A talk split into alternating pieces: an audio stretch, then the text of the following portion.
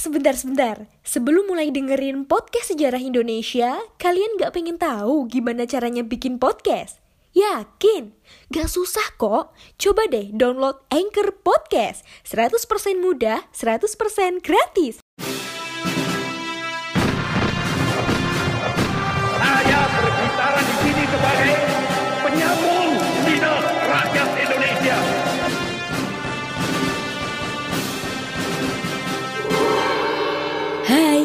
Kalian sedang mendengarkan Poseidon, podcast sejarah Indonesia. Ngomongin masa lalu dengan gaya masa kini. Assalamualaikum warahmatullahi wabarakatuh Salam sejahtera bagi kita semua dan salam sejarah Jumpa lagi dengan aku Ninit Kalian sedang mendengarkan podcast sejarah Indonesia Podcast yang akan bikin kalian gagal move on Masih ingatkah kalian ketika mencoblos saat pemilu?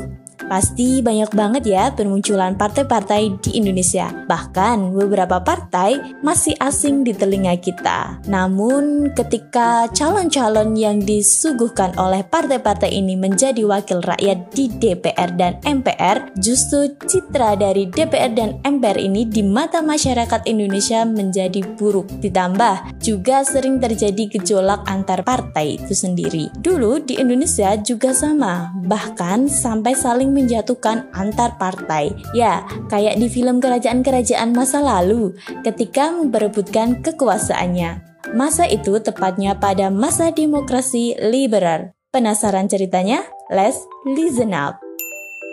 Setelah ditandatanganinya perjanjian KMB, maka status Indonesia tetap menjadi negara federal dengan nama RIS atau Republik Indonesia Serikat. Namun status ini tidak lama karena banyak negara bagian yang menginginkan untuk bergabung kembali menjadi NKRI. Tepat pada tanggal 17 Agustus 1950, Indonesia resmi kembali menjadi NKRI. Nah, dari situasi yang telah berubah ini, maka tidak ada lagi gangguan dari Belanda. Sehingga Indonesia harus segera menata sistem pemerintahan guna membangun sebuah negara yang berdaulat. Sistem yang dipilih oleh Indonesia adalah parlementer, di mana kepala negara dipimpin oleh presiden dan kepala pemerintahan dipimpin oleh perdana menteri, yang nantinya akan membuat sebuah kabinet. Namun, Ternyata eh ternyata pada masa demokrasi liberal ini Indonesia berganti kabinet sebanyak tujuh kali.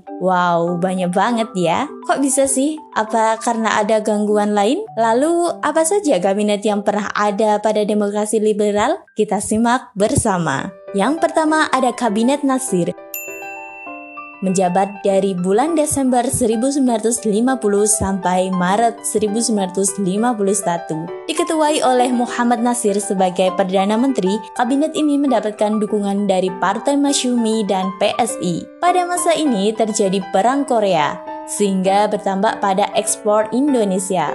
Nah, kabinet ini mempunyai program seperti meningkatkan keamanan dan angkatan perang, menyelesaikan masalah Irian Barat, dan memperkuat ekonomi, serta pada saat masa kabinet Nasir, Indonesia diterima di PBB. Namun pada saat itu juga terjadi pemberontakan DITI dan kabinet Nasir dianggap tak mampu mengatasinya. Sehingga setelah tujuh bulan menjabat, kabinet Nasir dibubarkan. Yang kedua ada kabinet Sukirman menjabat dari April 1951 sampai Februari 1952. Beberapa program kerja Sukirman di antaranya adalah menghukum tegas pemberontak, memperbaharui hukum agraria, menempatkan para bekas pejuang di lapangan usaha, dan menerapkan politik luar negeri bebas aktif. Namun, sama halnya dengan Kabinet Nasir, Sukiman tak mampu mengemban tugasnya secara lama atas banyaknya masalah keamanan terutama terjadi pemberontakan PKI dan Kahar Muzakar di Makassar menyebabkan kegagalan dan Sukimar memberikan mandatnya kepada Presiden Soekarno. Yang ketiga ada Kabinet Wilopo menjabat dari April 1952 sampai Juni 1953. Wilopo diusung oleh Partai Masyumi dan PNI dengan beberapa program kerjanya yaitu mempersiapkan pemilu dan meningkatkan kemakmuran dalam pendidikan dan keamanan. Namun, tak lama Wilopo memberikan mandatnya kepada Ali Sastro Amijoyo karena tak mampu menyelesaikan masalah demobilisasi tentara pejuang. Sehingga yang keempat itu adalah Kabinet Ali Sastro Amijoyo I menjabat dari Juli 1953 sampai Juli 1955.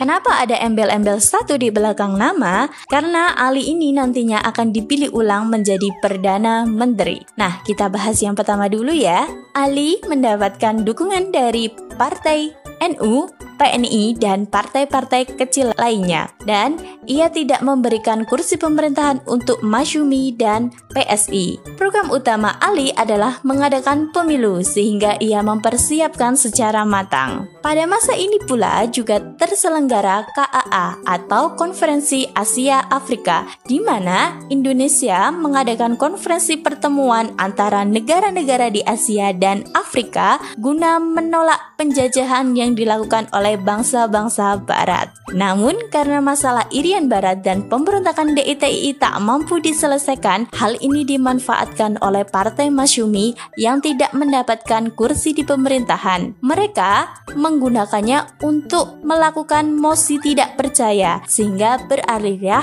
Partai Ali Sastro Amijoyo I. Kemudian Ali digantikan oleh Baharudin Harahap. Sehingga yang kelima ada Kabinet Baharudin Harahap menjabat dari bulan Agustus 1955 sampai Maret 1956. Pada masa kabinet Baharudin Harahap ini dilaksanakanlah pemilu pertama Indonesia tepatnya pada September 1955 dan menghasilkan lima partai yang memperoleh suara terbanyak yaitu PNI, Masyumi, NU, PKI, dan PSII. Dari hal tersebut, PKI semakin percaya diri dan semakin lama semakin menjadi partai besar di Indonesia. Namun, tak lama setelah itu, Baharudin mengembalikan mandatnya kepada presiden dan dipilihlah kembali Ali Sastro Amijoyo sehingga yang keenam adalah kabinet Ali Sastro Amijoyo II menjabat dari bulan Maret 1956 sampai Maret 1957. Untuk kedua kalinya, Ali ditunjuk sebagai Perdana Menteri dengan program kerjanya yang dikeluarkan sebagian besar meneruskan program kerja terdahulu namun, karena antar partai masih berseteru sehingga keadaan pemerintah tidak stabil, ditambah banyak terjadi pemberontakan sehingga Ali kembali lagi menyerahkan mandatnya kepada presiden. Nah, selanjutnya, kabinet yang terakhir yang ketujuh adalah kabinet Juanda menjabat pada bulan April 1957 sampai Juli 1959.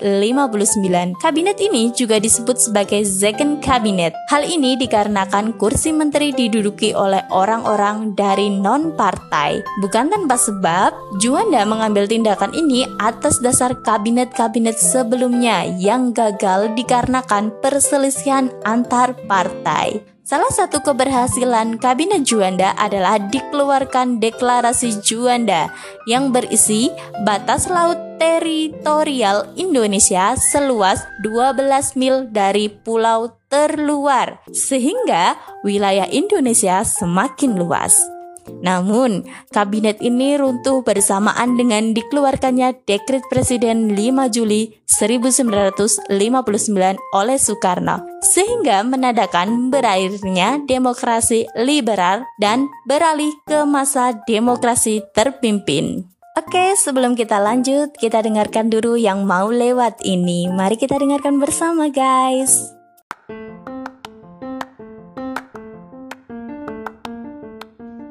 Halo Sobat Poseidon, kalian pasti sudah tidak asing lagi dengan Anchor. Yap, aplikasi penyedia jasa untuk para podcaster pemula dan juga pro. Buat kalian yang pengen mulai nge-podcast, langsung download aja Anchor di App Store ataupun di Play Store. Di sana, kalian bisa nge-podcast dengan banyak banget pilihan background musik. Setelah itu, kalian bisa mempromosikan podcast kalian ke mana pun. Secara otomatis, nanti akan di-sharekan oleh Anchor sendiri. So, tunggu apa lagi? Cus, nge-podcast bareng Anchor.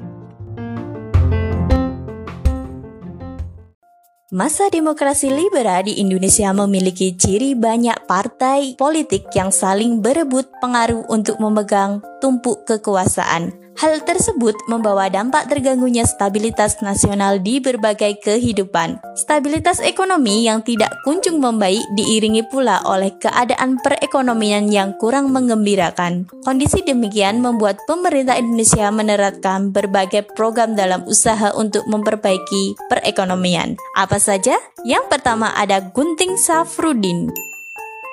Kebijakan Gunting Safrudin adalah pemotongan nilai mata uang. Nah, tindakan keuangan ini dilakukan pada tanggal 20 Maret 1950 dengan cara memotong semua mata uang yang bernilai 2,5 rupiah ke atas, sehingga nilainya tinggal setengahnya. Kebijakan ini dilakukan oleh Syafruddin Prawira Negara yang saat itu menjabat sebagai Menteri Keuangan pada masa pemerintahan RIS. Yang kedua ada program Benteng atau Benteng Group. Program Benteng dimulai pada bulan April 1950 selama tiga tahun lebih. 700 perusahaan Indonesia mendapatkan bantuan kredit impor dan kredit keuangan dari program benteng ini. Wow, lumayan besar ya. Namun, tujuan dari program ini tidak dapat dicapai dengan baik, padahal pemerintah sudah terlanjur menambah beban keuangan. Kegagalan program ini disebabkan para pengusaha tidak dapat bersaing dengan pengusaha non-pribumi dan banyak bermunculan importir gadungan dalam kerangka sistem ekonomi liberal. Maka, menjual izin impor kepada pengusaha asing yang sebagian besar dari Cina. Itulah yang mereka lakukan. Selain itu, mentalitas para pengusaha pribumi cenderung konsumtif, ingin cepat mendapatkan keuntungan besar dan banyak foya-foya, sehingga banyak gagalnya program ini. Yang ketiga ada nasionalisasi The Javas Bank. Nah, The Javas Bank ini adalah bank milik pemerintahan Belanda yang ada di Indonesia. Ketentuan-ketentuan dalam KMB mengenai The Javas Bank sangat melemahkan kedudukan pemerintahan Indonesia. Pada tanggal 19 Juni 1951, pemerintah mengangkat Mr. Safrudin Prawinara sebagai presiden The Javas Bank yang baru. Nah, pada tanggal 15 Desember 1951 diumumkan Undang-Undang Nomor 24 Tahun 1951 tentang nasionalisasi The Javas Bank menjadi Bank Indonesia sebagai bank sentral dan bank sirkulasi Indonesia. Sehingga cikal bakal dari Bank Jangteng yang sekarang mengeluarkan uang itu adalah dari The Javas Bank. Yang keempat ada sistem ekonomi Alibaba. Nah, kata Alibaba ini diangkat dari dua kata yaitu Ali dan Baba. Ali digambarkan sebagai pengusaha pribumi, sedangkan Baba digambarkan sebagai pengusaha non pribumi atau kita bisa katakan pengusaha Tionghoa. Untuk memajukan perekonomian Indonesia, perlu ada kerjasama antar pengusaha pribumi dengan pengusaha non-pribumi. Dalam kebijakan ekonomi Alibaba, pengusaha non-pribumi diwajibkan untuk memberikan latihan-latihan kepada tenaga-tenaga bangsa Indonesia. Selanjutnya, pemerintah menyediakan kredit dan lisensi bagi usaha-usaha swasta nasional dan memberikan perlindungan agar mampu bersaing dengan perusahaan-perusahaan asing yang ada. Yang terakhir ada rencana pembangunan 5 tahun atau RPLT.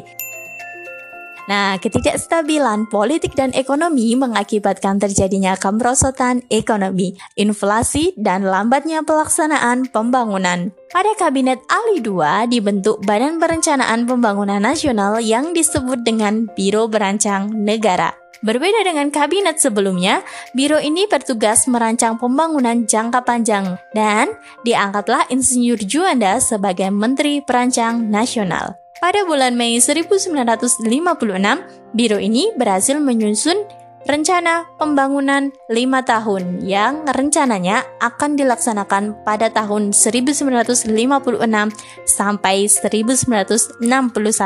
Wow, ternyata pada masa demokrasi liberal kita berganti kabinet itu sebanyak tujuh kali. Wow, banyak sekali ya, gitu. Selain dikarenakan adanya perselisihan antar partai sehingga menyebabkan antar partai ini saling menjatuhkan dan saling memberikan mosi tidak percaya terhadap kabinet yang sedang berkuasa. Selain itu, juga karena banyaknya gangguan dari pemberontakan yang dilakukan di beberapa daerah di Indonesia, menyebabkan keuangan negara juga banyak dialihkan untuk mengatasi pemberontakan-pemberontakan tersebut.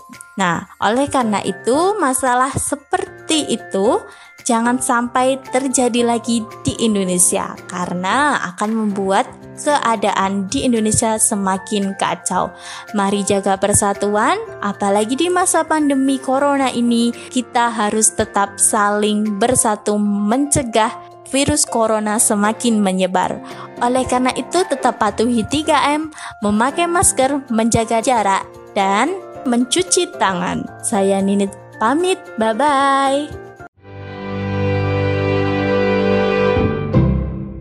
Terima kasih.